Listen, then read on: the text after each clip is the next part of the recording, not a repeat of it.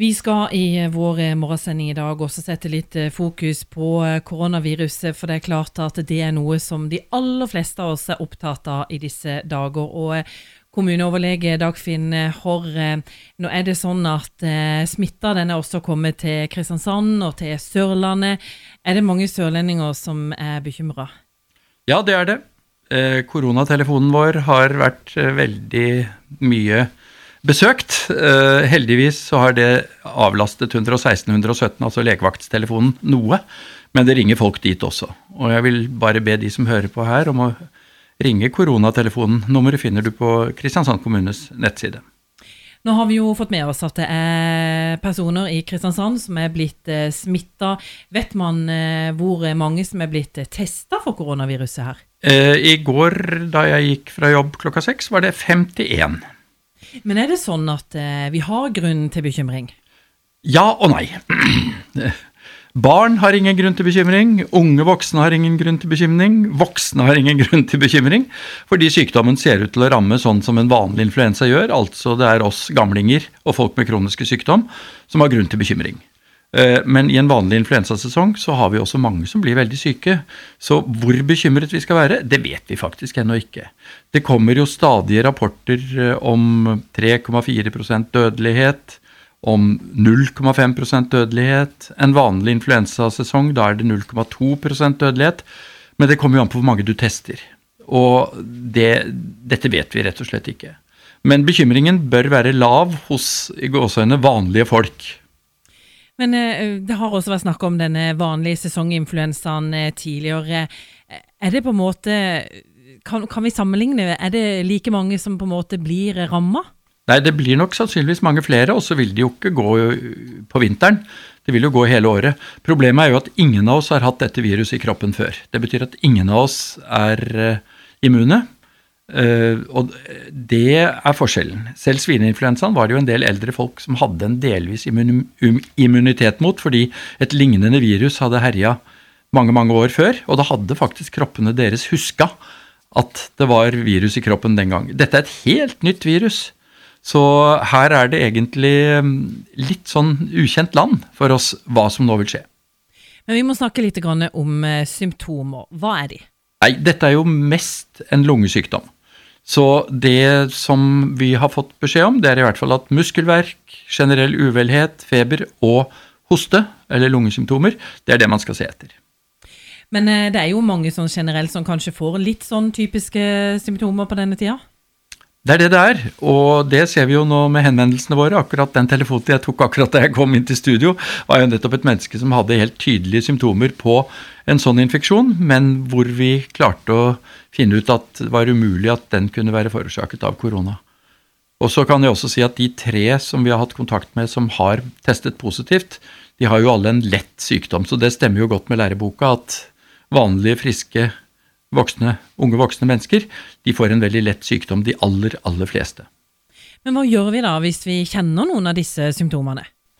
Det skal du først vurdere om det er i det hele tatt sannsynlig at du kan ha et korona i kroppen. Eh, er det det, så er det jo kjekt å ringe koronatelefonen og få testet seg. For foreløpig så håper vi å begrense spredningen av viruset det kommer vi ikke til å klare så innmari lenge, og da vil vi jo komme over i en annen fase, og da vil det bli gitt nye beskjeder. Da blir det mindre viktig å teste, egentlig. fordi blir det mange syke, så regner vi jo med at de aller fleste er syke av korona. Og da blir det egentlig bare de aller sykeste som det er viktig å teste. Men den tid, den sorg.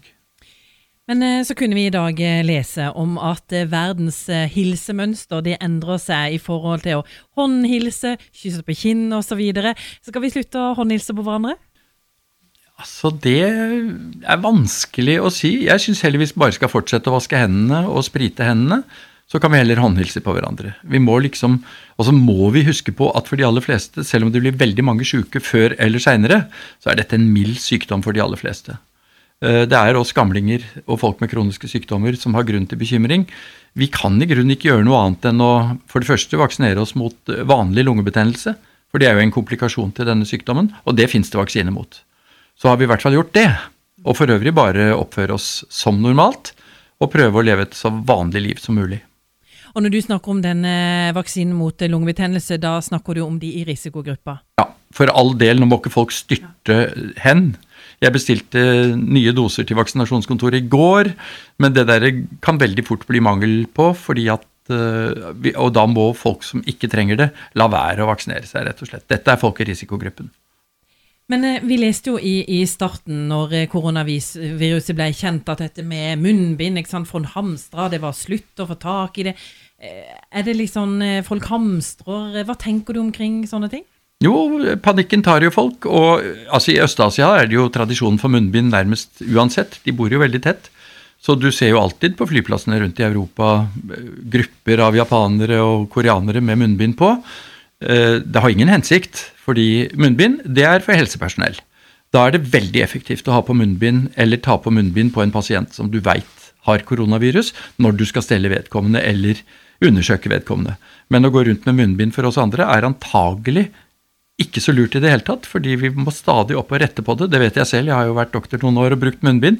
Og du skal ikke ha munnbind lenge på før du må opp og rette på det, og da har du antagelig større mulighet for å få koronavirus på fingrene, og så kan du spre det videre. Er det god eh, håndhygiene som er alfa og omega her? God håndhygiene er det aller, aller viktigste, og god hostehygiene nummer to. Du skal ikke gå rundt og hoste på dine medmennesker. Ta heller med noen papirlommetørklær i lomma, og host i det lommetørkleet. Det er det aller beste. Kast det etterpå, vask hendene. Eller hvis i nøden man ikke har sånt med seg, host i albuekroken. Men husk at de klærne du da hoster i, de vil kunne inneholde virus i flere dager etterpå. Så er, eh, men de virusene vil antagelig ikke sprette opp av de klærne igjen. Så det er nok lurere å hoste i albuekroken enn å hoste det ut i verden. Det er helt sikkert. Så hoste og håndvask, det er de to tingene som er viktige. Men øh, hvor lang tid tar det før man eh, blir eh, smitta, og hvor lenge er man eh, smittsom? Ja, nettopp. Det vet vi ikke helt sikkert, men jeg har tatt utgangspunkt i det Folkehelseinstituttet nå sier, at de tror at man ikke er smittsom før man er sjuk.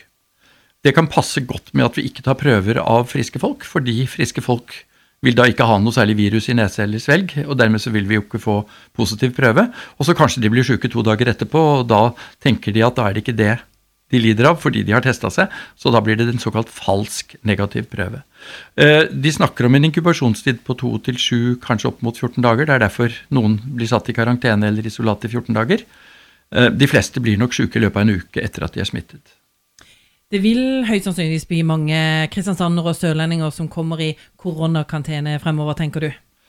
Jeg håper nesten ikke det, fordi at det er et tiltak som er forholdsvis effektivt nå, som vi ikke har noe det, det vi vet, da noe spredning av virus i befolkningen. Men det er jo bare et spørsmål om tid før viruset kommer snikende under horisonten. Fordi at det er mange som vil bli veldig lett syke, og som ikke tenker på muligheten over at de har koronasykdom, og da vil jo de kunne spre det videre. Så det er egentlig bare et tidsspørsmål før det med karantene og isolat ikke er så veldig viktig.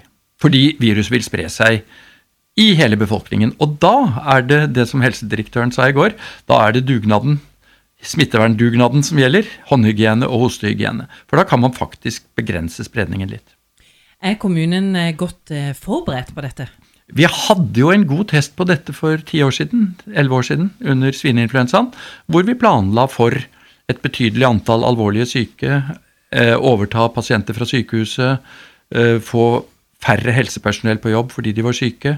Sånn at eh, de planene de er vi jo i full gang nå med å ruste opp. Den gang ble det heldigvis ikke stort behov for dem, men da kom jo vaksinen og i gåseøynene reddet oss. Det gjør den nok ikke denne gangen, for her må det jo utvikles en helt ny vaksine helt fra bunnen av. Svineinfluensavaksinen kunne man jo basere på tidligere kjente vaksiner, egentlig. Men det kan jo fort eh, bli en stor utfordring eh, med tanke på at helsepersonell blir syke, det kommer flere pasienter inn på sykehusene, og ikke minst at det kan bli mange vekke fra arbeidsplassene. Nettopp. Så jeg ser for meg et halvt til ett år med betydelige utfordringer. Vi er jo ikke vant til den slags utfordringer i vårt land. Eh, men jeg må jo også si at hittil, de foregående, minus da spanskesyken, da har det jo gått litt bedre enn det vi planla for, heldigvis. Så vi kan jo håpe på det her også, men det er det ingen som vet. Fasitsvaret det får vi om ja, kanskje et års tid. Og som du sier, det er kanskje viktig å understreke at for de aller fleste så er dette en eh, mild eh, sykdom. Ja, og så langt så er det ingen som har bestridt at det ser ut til at barn og unge er de som får aller mildest sykdom. Det var en svensk lege som sa her om dagen at han ut fra data fra Kina, jeg vet ikke hvor sikre de er, mente å kunne si at i liten grad sykdommen smittet mellom barn. Og i så fall, da er det veldig interessant, fordi det er jo ofte i barnehagene og i skolene at eh, smitte sprer seg i befolkningen, og så kommer ungene hjem med smitten til sine foreldre, og så går det sin gang. Men hvis det er så at det smitter lite mellom barn, da er jo det en eh, veldig positiv nyhet, for da kan det nok hende at smittespredningen går litt saktere enn det den ellers ville gjort. For ellers er jo barnehager spesielt fantastiske steder for å dele på virus. Du nevnte sjøl at du var i risikogruppen eh, grunnet alder. Er du sjøl redd for eh, koronaviruset? Nei, det er jeg ikke. Fordi altså da det kom de verste tallene med 14% dødelighet over 80 år, så kan man jo like godt si at 86% overlever. Så det er mye større sannsynlighet for at jeg overlever enn at jeg dør. Og dessuten så har jeg jo forsøkt å holde meg i noenlunde god form, og immunapparatet mitt i god form. Har ingen andre spesielle sykdommer, så det er bare alderen jeg har, da. Og så tar jeg tran. Ikke vet jeg om tran hjelper. Jeg så på nettet at uh, man trodde kanskje at å be, på, be til Gud hjelper. Det har jeg ikke prøvd.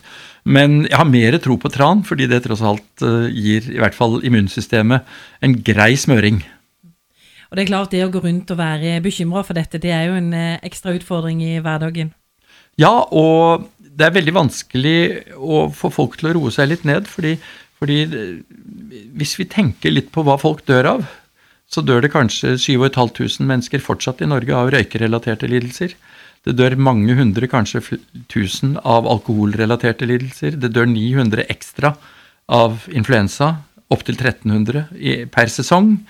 Og i verden så dør det altså 7,5 million av ting som har med kullkraftindustri og kullgruver og sånn å gjøre. Så dette med menneskens evne til risikovurdering, den er elendig.